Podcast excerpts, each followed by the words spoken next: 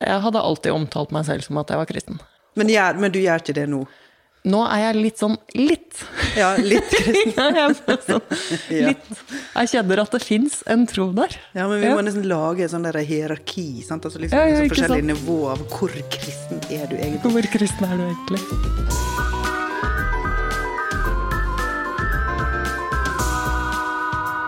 Velkommen til podkasten Olaug og Aubert. Jeg heter Olaug Nilsen, og jeg er forfatter. Og jeg heter Marie Aubert og er også forfatter. Og vi snakker om eh, temaer i litteratur som vi syns er morsomme og interessante. Og i dag skal vi snakke om tro og religion og kristendom, kanskje særlig, da, i litteraturen. Eh, Det ble vel til fordi vi begge har en bakgrunn fra kirke og eh, trosliv. Men det er vel også fordi vi syns det er et interessant tema. eh, Og et tema som har vært veldig mye i endring, egentlig, i noen år i samtidslitteraturen. da. Hvordan vi eh, forholder oss til eh, tro, hvordan litteratur forholder seg til Gud og til trosspørsmål. Til denne samtalen om tro i litteraturen, så har jeg jo jeg har faktisk tatt meg din bok. Ut etter evne, få etter behov. Hvordan skal jeg, hvordan skal jeg håndtere det? På en liksom litt Sitter profesjonell og kul måte. Har du tatt med min bok? For eh, jeg syns jo den eh, er et eh, morsomt eksempel på bøker som inkluderer kristen tankegods veldig langt på vei, men samtidig ikke nødvendigvis gir uttrykk for en tro. Mm. Her har du Altså, på, i innledningen her så står jo eh, historien om eh, Jesus som besøker Martha og Maria. Altså de to eh, søstrene. Og eh, Martha er den geskjeftige søsteren som eh, skal stelle for Jesus og sørge for at eh, de får noe å spise, og fyker til og fra, mens Maria er den late søstera som eh, setter seg ned ved Jesu føtter og lytter til ham. Og hun eh, blir jo trukket fram av Jesus som den som har valgt riktig. Måte. Hun har valgt å sitte hos han. Ja. Og eh, boka handler jo på eh, svært mange måter om eh, det der med hvem er det som tar ansvar? Hvem er det som eh, dropper det? Og eh, du har to søstre i boka også, eller eh, i romanen. Rakel og Lea. For øvrig også et kristent søsterpar. Riktignok fra Gammeltestamentet. Hvor Rakel da er Marthaen. Den som eh, griper et ansvar som til og med ikke er hennes. Hun tar seg av søsterens autistiske sønn. Ja. Og er nidkjær. Nidkjær og geskjeftig og eh, jobber seg i hjel. Ja. Nesten. Ja. Mens Lea er da den, eh, den dovne søstera, eller den som setter seg ned og lar de andre jobbe. Men jeg tenker jo den foregår jo på et sånt bakteppe, hele romanen også, av eh, kulturkristendom, på en måte. Det er, eh, det er TenSing fortid, det er kristne foreldre, det er eh, Rakels forlovede som er så glad for å ha truffet en kristen, eh, kristen dame. så det er hele tida et sånt bakteppe. Men samtidig så får jeg ikke følelsen av at det er tro den egentlig diskuterer. Men hvordan eh, tenker du at Bibelen, eller at Gud, eller at kristendommen er til stede i romanen selv? Og, Ja. og hvorfor eh, baserte du den på det? på en måte? Ja, altså, jeg, jeg tror Altså, jeg har i flere av mine bøker skrevet om eh, folk som tror. Kanskje heller egentlig det enn om, eh, om, om kristendom, eller om Altså, det, det er ikke noen sånne religiøse spekulasjoner i mine bøker, men, men jeg har flere ganger skildra et sånt oppvekstmiljø, da, av folk som tror. Og som, eh, som jeg selvfølgelig har kunnet gjøre fordi jeg sjøl har den erfaringen. Men i ytet evne, få etter behov, så så er det jo denne historien om Martha og Maria som du refererte til. Og jeg la merke til at når du gjenfortalte den, så har du adoptert min måte, eller min tolking av den. Eh, og det er veldig fint, for den tolkinga er selvfølgelig At den ene er doven og den andre er Ja. eh, flink? Ja. Um, men, men det var jo det, altså det der søskenparet, sant? og det der motsetningsparet, og hva som er rett å gjøre, og hva som må til, da, eh, som var utgangspunktet for eh, hvordan jeg konstruerte historien. Og det var jo hovedgrunnen nok til at jeg begynte å skrive eh, om dem sånn, da. Men det var flere grunner til at jeg ville ha med liksom en sånn ja, kristent bakteppe, da, og, og, og referanser til bibelhistorier og så. Det, og det er Det er fordi at jeg syns at den måten å, å, være i verden på, da, liksom det å være kristen, eller den, den erfaringen Jeg er interessert i å skrive om den, da. Ja. Altså, liksom, for dette, fordi den har jo betydd altså Både for meg og deg har jo det betydd masse, og, og, i vår generasjon eh, så er det jo mange som har en sånn erfaring. Men det er jo som om det forsvinner, sant? Mm. og, det, og, det, gjorde jo òg at um, Det var jo liksom diskusjoner med forlaget om hvor masse jeg skulle legge vekt på alle de der bibelreferansene. Var det det? Og, liksom, ja, og det, å, og det, å, bruke det der eh, miljøet som utgangspunkt fordi at, en, fordi at eh, Hvis en tenker sånn markedsmessig på det, sant? Altså hvem er det som vil kunne relatere til en sånn fortelling nå lenger? Mm. At det er litt eh, uh, umoderne Jeg vet ikke. En ting som veldig har slått meg når vi fant fram bøker til denne episoden, mm. er jo at det er ganske mange uh, forfattere i samtidslitteratur som bruker religiøse eller kristne motiver. Men det er ikke så mange som skriver om det å tro. Nei. Eller um, om religiøse opplevelser som liksom noe som uh, du ikke har helt distanse til. Mm, nei, og det tror jeg jo nesten aldri vi ser. Nei, det er ikke så ofte. Men uh, du har jo faktisk tatt med et par bøker som handler om, om tro. Eller uh, mm, ja, eller, på vei, da. Ja. Eller uh, Ja, jeg kan jo begynne Altså, jeg har tatt med hva ville Johannes ha gjort? Ja. av Thomas Espevik. Og litt av grunnen til at jeg tok den med, Eh, det er tittelen 'Hva ville Johannes ha gjort?' Fordi at både jeg og du veit jo hva det refererer til. Jeg husker at de som var pinsevenner ja. eh, Nå var ikke jeg det. Men det var noen som gikk med et sånt armbånd hvor det sto 'What would Jesus do?' Ja. og så skulle man liksom kikke på det armbåndet hver gang man eh, kom i en litt vanskelig eh, situasjon eller ja. avgjørelse. Ja, eller var leda til, leda inn i fristelse om å gjøre noe slemt da, kanskje òg. For et forferdelig slitsomt ja. liv. ja. What would Jesus do? Men det var eh, Jeg har aldri gått med noe sånt armbånd sjøl eller T-skjorte eller sånt. Men, eh, men, det har liksom blitt hengende igjen, da. What would Jesus do? Eller hva ville Jesus ha gjort? Det, mm. det er et sånt uttrykk som jeg husker veldig godt. Og i dag har jeg på meg T-skjorte med Hva ville Hulda Garborg ha gjort? Jeg tror jeg kobla ikke de to tingene til Nei, hverandre. Nei, det er en, dette er en homasj ikke bare til Hulda Garborg, da, men òg til uh, Thomas Espevik. For det er et eller annet med at liksom, det uttrykket Hva ville Jesus ha gjort, eller mm. hva ville noen ha gjort? Uh, at det er en sånn identitetsmarkør, da, på en måte, sant, for meg. Sånn som, jeg, sånn som, det uttrykket mm. spiller i min bevissthet i dag. Hva handler boka om? Den handler om Johannes. Eh, og den følger da Johannes fra før han er født, eh, i at eh, mora og faren snakker om hvordan de skal oppdra han kristent, eller det barna de venter. Uh, og så er det en del der uh, Johannes sjøl uh, forteller en god del barndomsminner. på, på, på, vaskeseddelen så står det at det er mange rampestreker. Jeg vil jo kalle det direkte mobbing, det som foregår i de barndomsminnene. Og der er det jo Johannes som gjør de vonde handlingene ja, ja. i den delen. Han er jo det slemme barnet. Han er det slemme barnet, mm. absolutt. Mm. Uh, og så er det en del der han og en kjæreste uh, venter barn. Og så er det en del refleksjoner i den biten, fordi at abort er jo uaktuelt, ikke sant. Ja. Uh, og så til slutt så er det en del der Johannes på en måte kommer med en trosbekjennelse, da. Mm.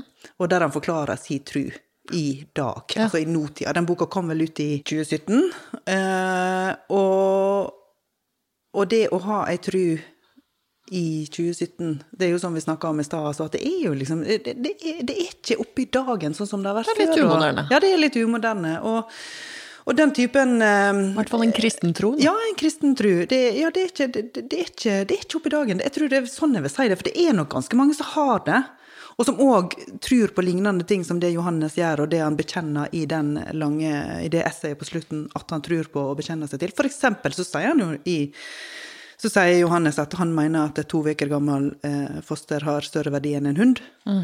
Uh, og, og det er en ganske uvanlig ting Ja. å mene i dag. Ja. Uh, og, uh, og en del sånn lignende ting som er som jeg vil si ja, i min kristne oppvekst har vært så- sånne typiske diskusjonstema, da. Altså hva er det du kan eh, eh, ja, bekjenne, tror jeg er det riktige ordet. Hva er det du kan bekjenne deg til, og hva er det du må ta avstand fra som kristen? At det er jo en sånn der, det, det er jo masse sånn sliting i kristne folk, sant. Altså fordi at eh, ettersom tida går, så blir, er det jo flere og flere ting som du faktisk rett og slett ikke kan lenger Ja, ja. praktisere eller Ja. tro på. Um, og jeg har jo ofte tenkt at liksom, altså tidligere, altså litteratur som jeg las på videregående og, og senere på universitetet, det er jo en del eh, litteratur fra for så vidt nyere tid som har handla om å frigjøre seg fra kristendom. Og kanskje det er litt derfor òg at i litteraturen så har du ikke lenger de der historiene om folk som eh, som baler med religiøse spørsmål fordi de aller fleste har frigjort seg fra det. Ja, faktisk. Og der har det jo skjedd en veldig stor endring, syns jeg, også i litteratur. Mm. Og nettopp derfor så er det jo litt sjelden å se litt sånn en trosbekjennelse Ja. som eh, han kommer med på slutten av, av denne boka. Det, Mm. det er sjelden å se det i skjønnlitterær form. Ja. Jeg, jeg kjenner meg jo ganske igjen i en del av det. Mm. Sånn som det der at han eh, vet ikke lenger om han egentlig kan stå innenfor eh, den trosbekjennelsen. Eh, Mm. Ja, som- altså den kirkelige Den trosbekjennelsen, kirkelige ja. trosbekjennelsen, hvor du sier 'jeg tror på Gud, Fader, den allmektige, himmels og jorden skaper', Ja. hvor du ramser opp alt uh, Ja. som er liksom eh, kjernebudskapet i kristendommen, Ja. og sier at det, 'dette bekjenner jeg meg til, dette tror jeg på'. Ja. Og, og hvor han eh, liksom sier at 'jeg vet ikke om jeg tror på det lenger, men enn så lenge så sier jeg trosbekjennelsen'. Mm. Det gjør jeg òg. ja, det gjør du òg, men det gjør ikke jeg. jeg. jeg- Men jeg sier synsbekjennelsen. Det er interessant. Ja, det er eh, Og det er fordi at den kjenner jeg at jeg har behov for. Sant? Altså fordi at det å eh, det, er jo liksom som skriftinga i eh, den katolske kirka, at det er å liksom innrømme sine synder. Men i den protestantiske kirka så er jo den synsbekjennelsen den er jo mer generell. Sant? Altså, jeg har, eh, jeg har såra deg i tanker, ord og gjerninger, og kjenner den vonde Lysten til hug. ånden i mitt hjerte. Ja, sant. Den, vonde hug. den vonde hug i mitt hjerte. Og det, eh, det tenker jeg at det har jeg faktisk av og til behov for å bare uttale, for å minne meg sjøl på at eh, jeg skal streve etter å være snill, da. Sant? Altså for å si det på en enkel Ja, måte. Og eh, Her må, her må jeg bare skyte inn at vi vurderte jo faktisk å kalle denne podkasten for Synd og skam, siden du var så opptatt av synd, og Ja. jeg skrev så mye om skam. Ja! Men synd, sant? Altså, for synd er jo eh, det, det er jo i hvert fall umoderne. Det er jo ingen som vil snakke om synd. Nei. Eh, og det tror jeg jo er fordi at synd har blitt oppfatta som så rigid. Og sant? altså at det, det er så veldig fast bestemt hva som er synd. Men en sånn setning som lysta, jeg kjenner, lyst, jeg kjenner den vonde hug i hjertet mitt, det tror jeg alle kan relatere til. Og da veit du at hvis du eh, Nå blir det sånn hvis, hvis du handler på den vonde hug, da, så har du synda. Åh!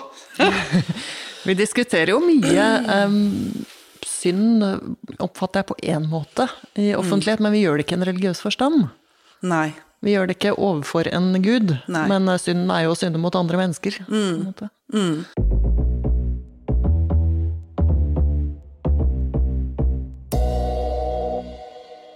Boka du har her, av Laura Djupvik, Ja. hvorfor har du tatt med den?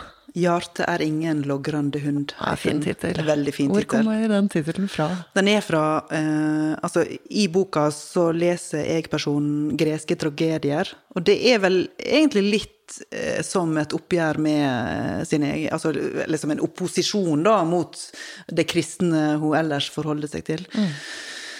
Og da leser hun Elektra, og så sier Elektra da Ei som en logrende hunds er mitt hjerte.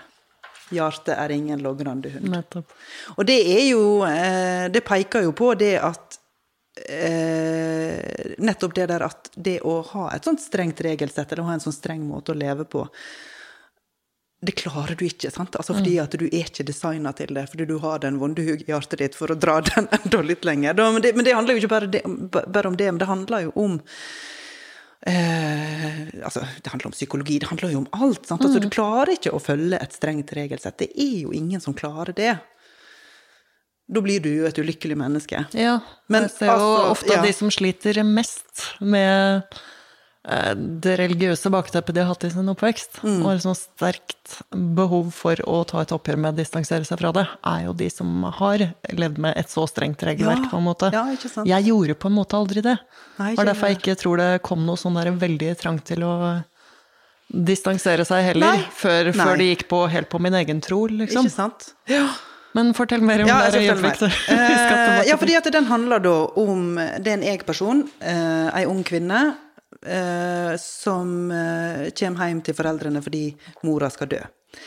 Eh, det er liksom den ytre historien, og så følger vi eh, den kvinna da inn i eh, Altså sammen med far og mor til mor eh, dør og blir begravd, og så er det da uh, kobla med mange minner fra oppveksten og, og, og barndommen. Um, og det handler jo om eh, et slags frigjøringsprosjekt. Eh, og en beskrivelse av et forsøk på et frigjøringsprosjekt allerede i ungdommen. Som hun liksom ikke helt fikk til. Eh, og så handler det òg om at Sjøl om hun på sett og vis klarer å frigjøre seg og klarer å, ta, og å bli seg sjøl, altså, å, å, å, å ha en egen identitet som, som skiller seg fra den foreldrene har prøvd å gi henne, så handler det jo òg om eh, at det da oppstår et tomrom. Og eh, at jeg-personen prøver å oppsøke kirka igjen for å finne en måte å fylle det tomrommet.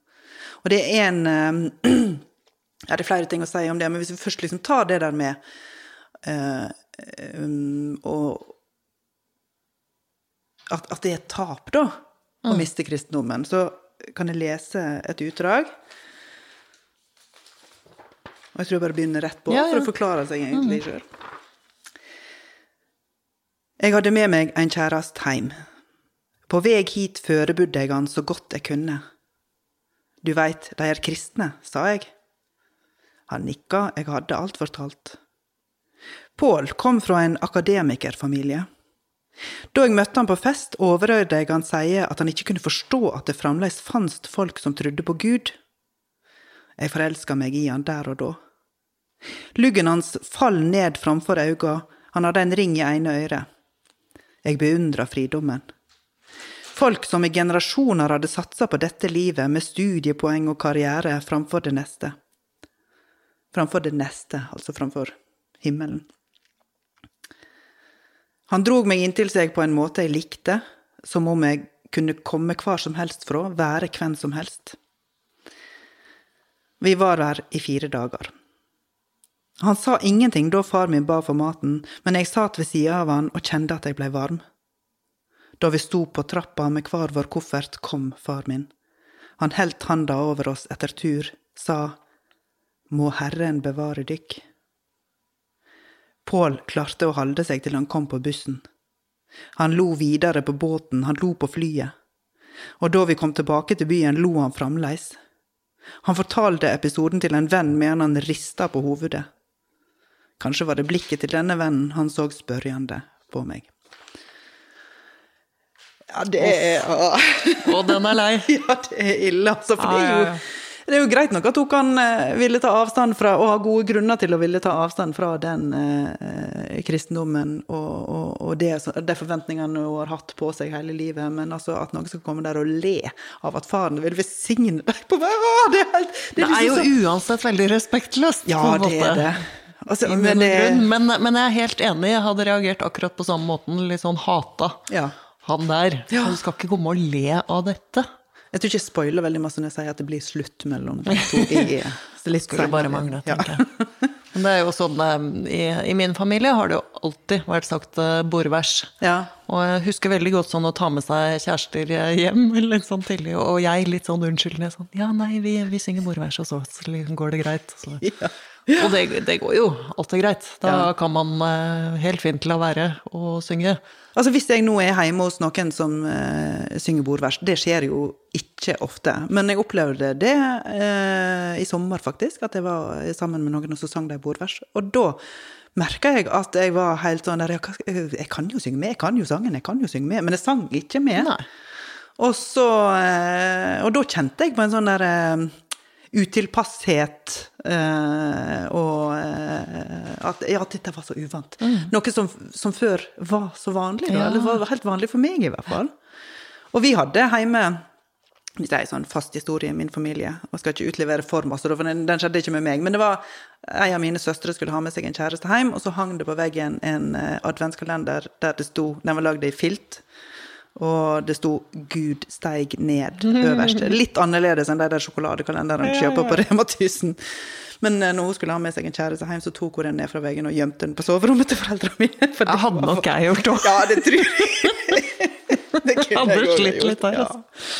Ja. ja men, men det er jo noe med den der dobbeltheten, ikke sant? Mm. Fordi at um, Jeg vil jo si at i 'Hjarta er ingen logrende hund' så er det viktigste Det viktigste i den romanen er jeg-personen sitt frigjøringsprosjekt. Mm. For det trenger hun, sant? Hun trenger det. Uh, fordi hun har blitt holdt nede, hun har på en måte måttet forholde seg til ikke bare regelsettet som kommer med, med kristendommen, um, men òg til en far som er jo snill og mild, men som på en måte blir manipulerende gjennom den snillheten og mildheten. Ja. Fordi at eh, han er ikke aggressiv og kjefter og, og låser henne inne på rommet, liksom. Det er jo ikke der det er, men han blir skuffa. Og det er jo noe med det der at eh, noen som blir så skuffa Det er jo ikke til å holde ut, ikke Nei. sant? Sånn At det òg blir jo en sånn der eh, Åh, den der kristenforeldreskuffelsen. Ja, sant? ja, men du veit jo om den! Ja, altså det er Ja, det òg kan være en type manipulasjon. Men altså, ja, hun trenger å frigjøre seg fra det, det er helt opplagt og viktig. Men òg at At det er en rest igjen, da. Og hva skal du gjøre med den? Ja. Og jeg syns det er kjempeinteressant. Det er veldig interessant. Um, Jeg syns det er vanskelig å skulle skrive om, om tro på noen som helst sånn konkluderende måte. For jeg opplever at det er et veldig sånn uavklart uh, sted. Ja, ja for deg sjøl, eller? Ja, eller Ja, for deg sjøl. Ja. ja. Og i tillegg noe jeg ikke er sikker på er dette interessant for andre nesten i det hele tatt. da. Ja, men Hvorfor tenker du da at det ikke er interessant for andre? Er det da fordi de ikke har den samme erfaringen? Eller er det i seg sjøl ikke interessant? Fordi jeg på en måte oppfatter det som litt utdatert. Ja. Å eh, skrive litt sånn om tro som noe levende. Jeg syns det er eh, veldig mange som skriver om eh, tro som et bakteppe.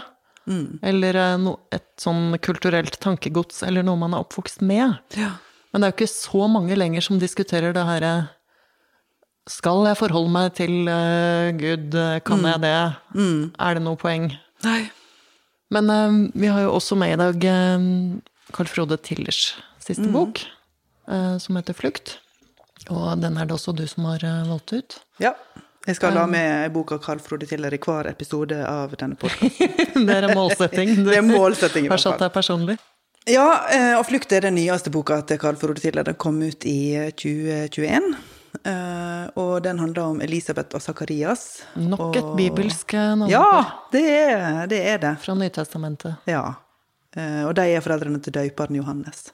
Og sønnen i flukt heter Johannes. Eh, og handlingen der er at de har mista sønnen, og, men på julaften så er de sammen, da. De har gått fra hverandre etter at de har mista sønnen, men på julaften er de sammen.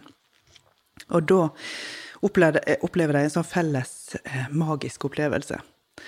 Eh, det er at det på en måte kommer revne i virkeligheten. Jeg tror jeg beskriver det sånn, for jeg ser det veldig for meg som at det er en teltduk og Kanskje han skriver det i boka òg, men det er i hvert fall at jeg ser for meg en teltduk som er spjæra. Og så åpner det seg en sånn slags eh, hva skal vi, En pram? Nei, en pram. Ja, det skal være åpning, da. Et, et hull, da. En Så ser pram? de- Ja, en pram. Ja, men jeg tenkte på den formen! Mandel, da. En Ja, mandelform. Det er ikke pram. Kano. Dette er veldig sidespor, men i hvert fall en sånn sprekk, da. Sprekk, en revne. Ja. Uh, og, det, og enda et sidespor, da tenker jeg jo på det der forhenget som skal revne. Det bibelske forhenget som skal revne, og så ser du inn, da ser du liksom hva som er sant. Um, men gjennom den revna så, så ser de det samme, og de glir inn og ut av hverandre sitt perspektiv, og Johannes er en del av det, altså det døde barnet. Så de veksler mellom hverandre, og, og altså eh, Og på den måten eh, gjennom romanen, så får de jo Det det de opplever, og det leseren opplever, er jo en sånn derre eh, ja, altså at du ser ja, Det er jo så Altså at du ser alle sitt perspektiv, da, ikke sant? Mm. For å si det på en sånn banal måte. Men her er det jo tenkt mer magisk og stort, ikke sant? Fordi at liksom her er det en sånn slags eh, At du får en innsikt på en annen måte, tror jeg nok at det er tenkt som. Jeg liker den boka veldig godt, som jeg gjør med alle Carl Frode titler sine bøker. Og min eh, begrunnelse for å like den boka veldig godt, det er jo de enormt gode og innsiktsfulle beskrivelsene av de her personene. Også det at eh, gjennom å ta hverandre sitt perspektiv, eh, så får en jo større for forståelse for hverandre, og det, er, det utgjør en slags nåde, da, tenker jeg. Som òg er jo sånn kristen, eh, kristent begrep. At du eh, Om du om du klarer å, eh, å være god mot andre, så er det jo en form for nåde, men det forutsetter at du, at du ser at du òg ser deres virkelighet. Mm. Eh, men eh, Karl Frode Tiller, når han snakker om den boka her, så er det jo den revna han snakker om. Fordi at han har fortalt Revna i virkeligheten? Ja, revna i virkeligheten. Altså den der overnaturlige opplevelsen. At, eh, at det skjer et eller annet rart som du ikke kan forklare, og at du sammen med noen andre ser noe som egentlig ikke er der, da. Eh, og han har snakka om det i intervjuet at han sjøl eh, og en kamerat eh, De var i et søramerikansk land, og så overnatta på et hotell eller et pensjonat eller noe sånt, og så begge hadde en sånn opplevelse av at det skjedde noe, sant. Altså ja, en slags hallusinasjon, da, men det, men det var ikke en hallusinasjon. Eh, de hadde akkurat den samme opplevelsen, altså av en sånn slags revne i virkeligheten. Og at det er det han da har prøv, prøvd å skrive om. Og det Ja, jeg hører at du sier det, Carl Frode Tiller, at det er det du vil skrive om. Og det er jo for så vidt det han har skrevet om, men for meg så er det på en måte liksom Ja, hva så? Hvis du skjønner hva jeg mener? sant? Men eh, det slår meg jo at eh, Jon Fosse er jo en sånn forfatter som stadig blir trukket fram når det gjelder å skrive om tro. ja. At eh, han En som ikke bare bruker religion som liksom motiver, men også liksom som innhold. Eller dette er det Ane Farsetta som formulerte det i Ja, ja. den boka som heter 'Herfra til virkeligheten', om norsk samtidslitteratur. Men, men Tiller har ikke vært inne på det feltet liksom på samme måten i det hele tatt. Men, eh, men du det som at det er et steg Nei, men egentlig heller ikke det. Og det er det som er litt sånn der underlig for meg. Og jeg lurer jo på hva han kommer til å gjøre videre. Sant? Altså Om dette er noe han kommer til å fortsette med å skrive om. Eh, for jeg oppfatter jo ikke at han eh, utover å beskrive den overnaturlige opplevelsen eh, har noe sånn religiøs interesse i forfatterskapet tidligere. Men en ting som er interessant i den boka, fordi at Elisabeth, som er den eh, som er mora i fortellinga, at hun vil snakke med presten om at hun har en opplevelse av at hun snakker med Johannes, altså det døde barnet. At hun snakker med det døde barnet sitt, og det vil hun snakke med presten om. Men presten vil jo ikke forholde seg til det som et overnaturlig fenomen, eller noe sånt slags eh, ja, gudelikt, at hun kan være i kontakt med den døde eh, sønnen. Han, eh, Elisabeth får jo en følelse av at han, ja, han, han er snill og jatter med, Ja, ja. Men, han, men han går ikke med på at det er det som skjer. Det er mer sånn du føler det nok, så Ja, kan fortsatt være her. Ja. Eh, og da blir Elisabeth sint. Sant? Altså, for liksom, ah, kan ikke engang presten Mm. akseptere at jeg, eh, at jeg har en sånn opplevelse? Hva skal du bruke religion til, om ikke det der? Ja, men for meg er det liksom Ja, ok, og, det, og jeg kan gå med på at det er eh, At en kan tenke det, eller at det er Men for meg er det på en måte helt irrelevant. Altså det er mm. overnaturlige fenomen. Det bryr jeg meg ikke om. Mm. Nei, ikke heller. Og det merker jeg liksom når jeg da leser til det. og jeg bryr meg ikke om det. Jeg tenker at det er et romanstrukturerende grep, og det er det jeg får ut av det, og det syns jeg det er kjempebra som. Sant? Altså, det trenger ikke være noe mer. Eh, boka er god. Eh, men det er litt interessant at jeg liksom bare helt eh, forholder meg ikke til at han snakker om denne revna i de intervjuene. Det er liksom Nei, det er det Ja vel, kall for ord til der, Det er greit, det har du opplevd. Jeg skal ikke si at jeg ikke tror på deg.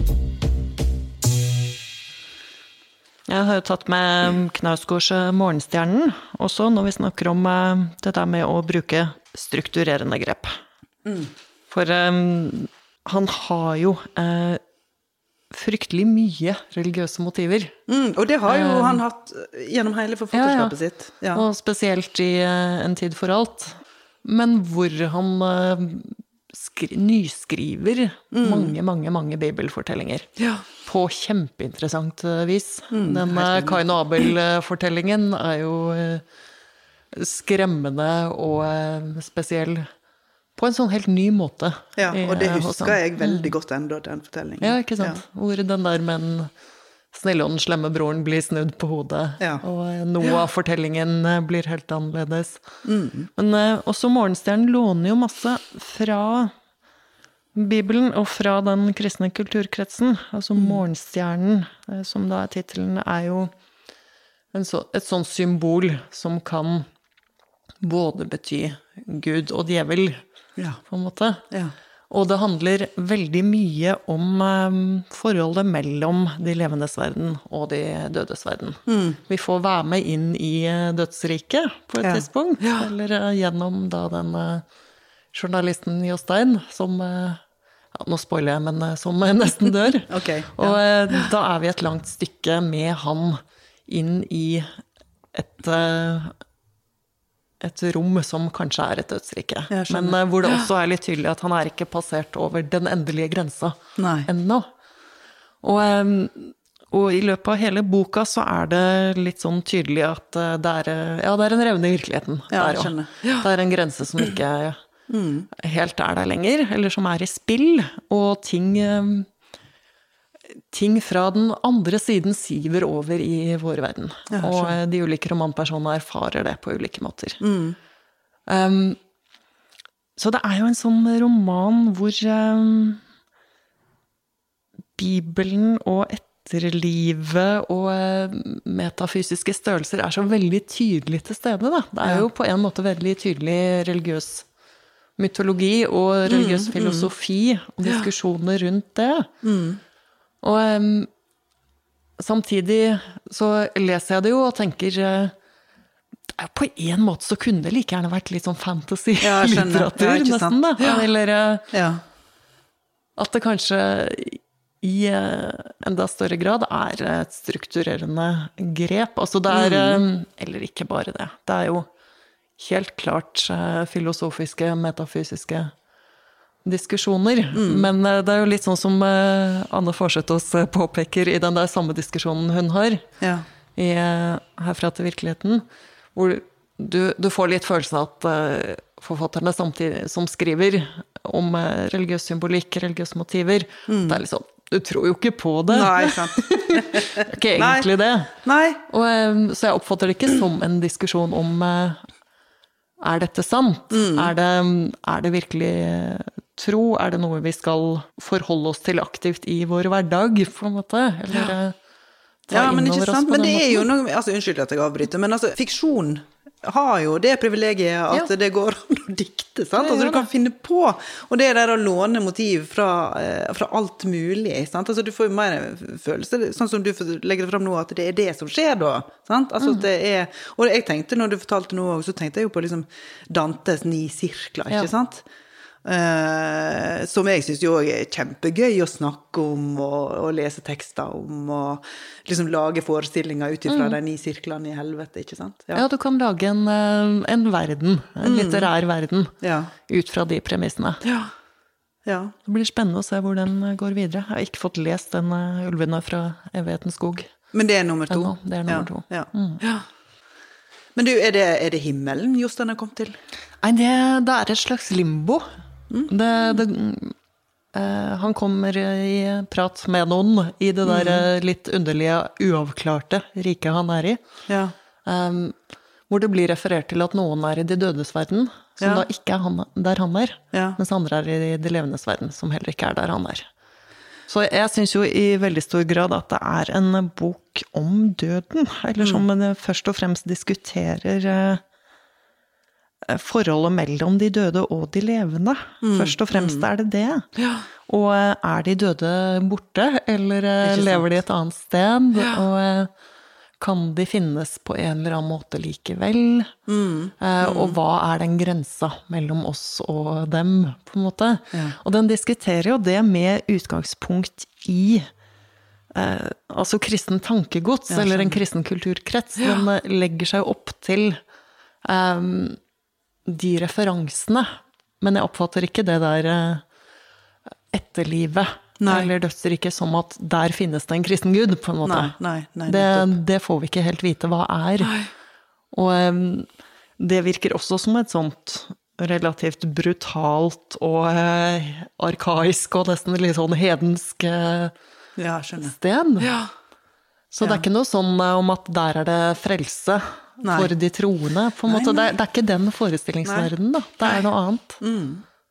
Men jeg, jeg syns det er veldig interessant, og det er eh, stadig sånn um, avstikkere til Det er salmer, og det er mm. særlig hun presten Katrine som eh, skal eh, gravlegge en mann, og så eh, er han død, er han ikke død? Eller liksom, ja. når har det skjedd?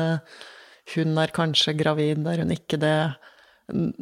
Det er mye litt sånn opphevelser av eh, tid og rom. Og stadig Ja. er det litt sånn salmer i bakgrunnen og eh, ja, ting som får meg til å tenke på mybelske referanser, i Mm. hvert fall hele veien.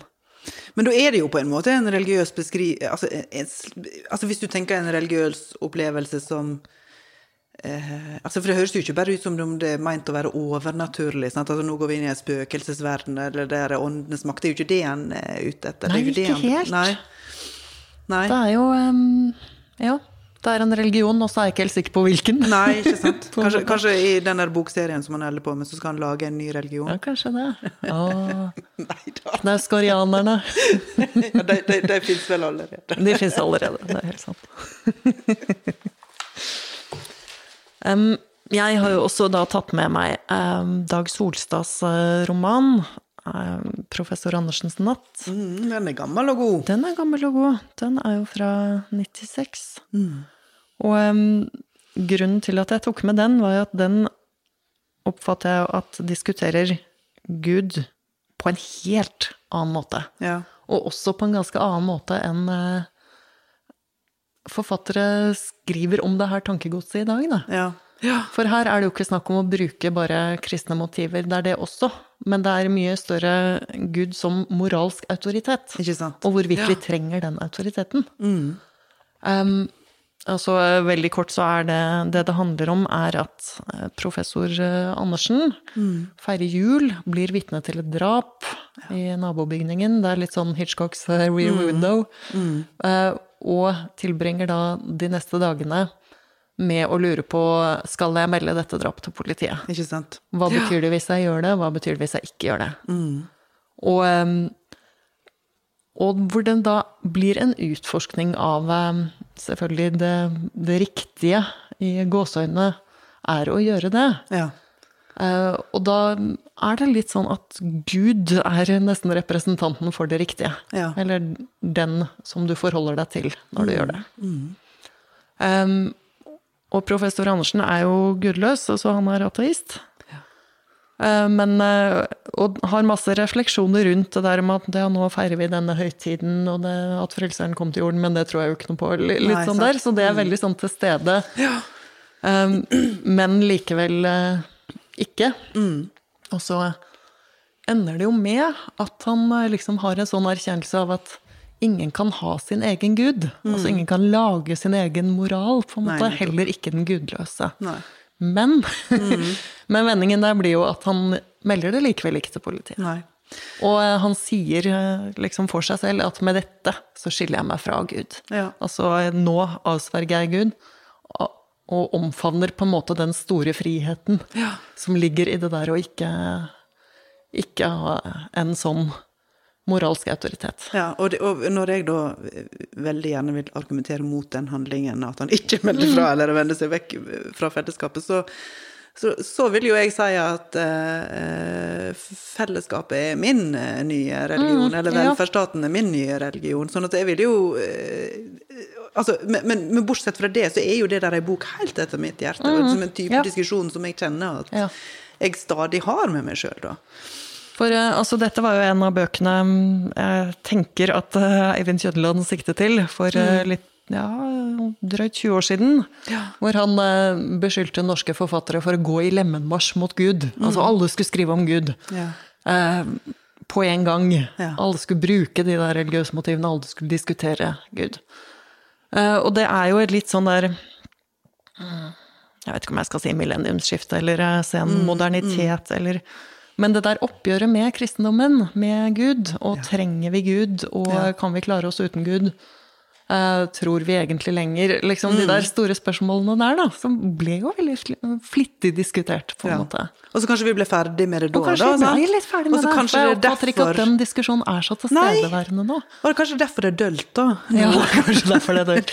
Nå det er, jeg finner, finner noen eksempler på litt sånn hva er det å Eller hva er det å tro? Eller kan du kjenne den der troen inni deg? Altså sånn som Jon Fosses eh, forhold til tro blir ofte trukket fram, den der revnen i virkeligheten eh, som Carl Frode Tiller opplever. Og det er også en sånn litt sånn nostalgisk eh, jeg vokste opp med Ja, ja. Aftenbønnen-aktig. Ja, sant? Ja. vi Sånn som vi to driver med, sant? Ja. Men den der store er Gud den moralske autoriteten. Mm. Den oppfatta jeg ikke som en så veldig tilstedeværende problemstilling lenger. Nei. Og en ting eh, som slo meg da jeg liksom gjenleste professor Andersens natt nå, det er jo at det er like mye fellesskapet mellom mennesker Mm. som han velger å skille seg fra. For eh, han har uh, Da gjør han noe som han ikke kan si til noen. Mm. Uh, som ingen andre kan ta del i, på en måte. Han skiller seg liksom fra menneskene. Han blir ensom, tenker jeg. Men, det, og, men vet du hva som slår meg nå? Det er jo det at eh, han har jo på en måte skrevet om eh, kommunisme, eller altså AKP-ML og alt det der, som nettopp en religiøs vekkelse. Han har jo Ja. det en av titlene til boka. Til, altså den store Hva heter den igjen, da? Den heter eh, et eller annet vekkelse Harry Jens, eh, nei. Harry Jensø, ja. Ja, ja, den store vekkelsen. Beretning om den store politiske vekkelsen som har hjemsøkt vårt land. Ja, ikke sant? Og, eh, og at da er jo det eh, kanskje eh, like masse det han tar avstand fra, da? Ja, altså Den der diskusjonen mellom fellesskap og individ syns Ja. jeg er veldig veldig sentral Ja. hos Solstad. Ja. Men Olaug Nilsen, her har jeg jo også en lenke til deg. Til uh, Yt etter evne, få etter behov. Mm. For eh, jeg tenker at det går, det går jo helt fint faktisk å lese Solstads diskusjon om Gud Mm. med gudløse briller, på en måte. Du kan se det som en diskusjon om trenger vi en felles moral? Ja. Trenger vi noe overordnet som alle er nødt til å forholde seg til? Ja. Og eh, hvordan er Hvordan lever vi som individer hvis vi ikke forholder oss til noe sånt? Ja. Eller til noe større? Og det syns jeg jo på en måte at Yt etter evne, får et behov også gjør. Altså, den handler jo om eh, Altså ikke, ikke Gud som den moralske Nei. autoriteten eller forpliktelsen, men den diskuterer jo om vi har moralske forpliktelser på et eh, litt sånn grunnleggende plan. Ja. Som eh, ikke handler om oss selv, men omsorgen overfor andre. Ja. Og dette er jo spørsmål som jeg har vært særlig opptatt av de siste åra. Eh, og det du, måten du sa det på nå, var jo masse flottere og hørtes masse, hørtes masse hørte, Da hørtes jeg smartere ut enn jeg kanskje egentlig er. Men, men, eh, men det der med omsorg, sant? Altså at noen ganger er omsorg for andre helt nødvendig. Og hvem er det som eh, ja, hva og hvem er det som bestemmer om vi gjør det eller ikke? Om Mm. vi utøver den omsorgen, og om vi må ofre noe sjøl. Det handler jo litt om sånne ting, da. For- altså, no, ja, For eh, Lea i eh, din bok er jo en som på en måte sier fra seg en eh, moralsk forpliktelse Ja. hun har. ja. Hun velger å ikke ta ansvaret for sitt autistiske barn. Og eh, det her blir jo også problematisert, på en måte. Altså, vi får ikke helt eh, taket på er hun bare helt, helt utslitt og nedpå å lære, liksom. For hun Eller har jo prøvd hun- lenge. ja. Eller, eller er hun litt sånn den, eh, den som ikke vil være med på dette? For eh, Lea melder seg jo ut av eh, litt av samfunnet også. Hun legger seg ned og eh, blir i senga si, og det eneste hun vil, er å spille Heyday Ja, ja. På eh, mobilen eller iPaden sin. Så hun, eh, hun melder seg ut av samfunnet, og hun sier fra seg ansvaret Ja. for det autistiske barnet. Mens eh, Rakel, som er den som holder hjulene i gang, og overtar hennes ansvar igjen, er jo er jo utslitt av å gjøre det. Så du får ikke helt sånn svaret på hvem har rett, nesten, nei, men, nesten heller, da. Mm. nei, men mitt svar på det Jeg har jo et helt klart svar på hva som er rett, og hvem Ja. som har rett.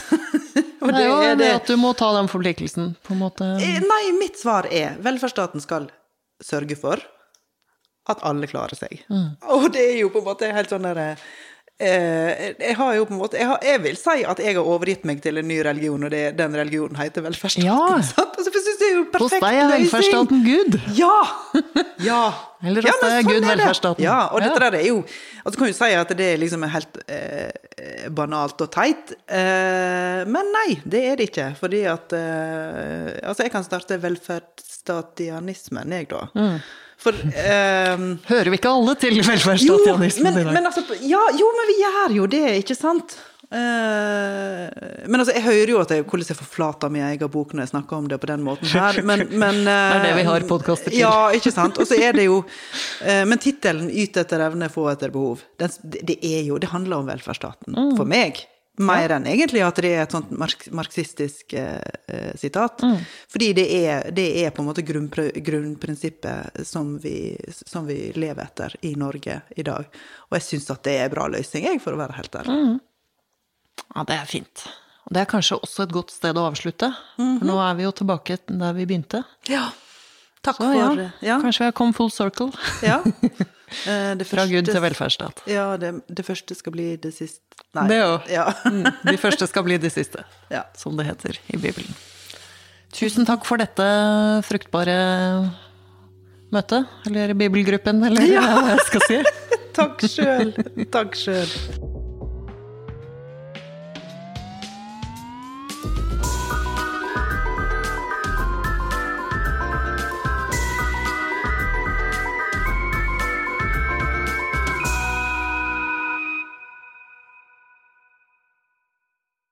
Du har hørt en podkast fra Litteraturhuset.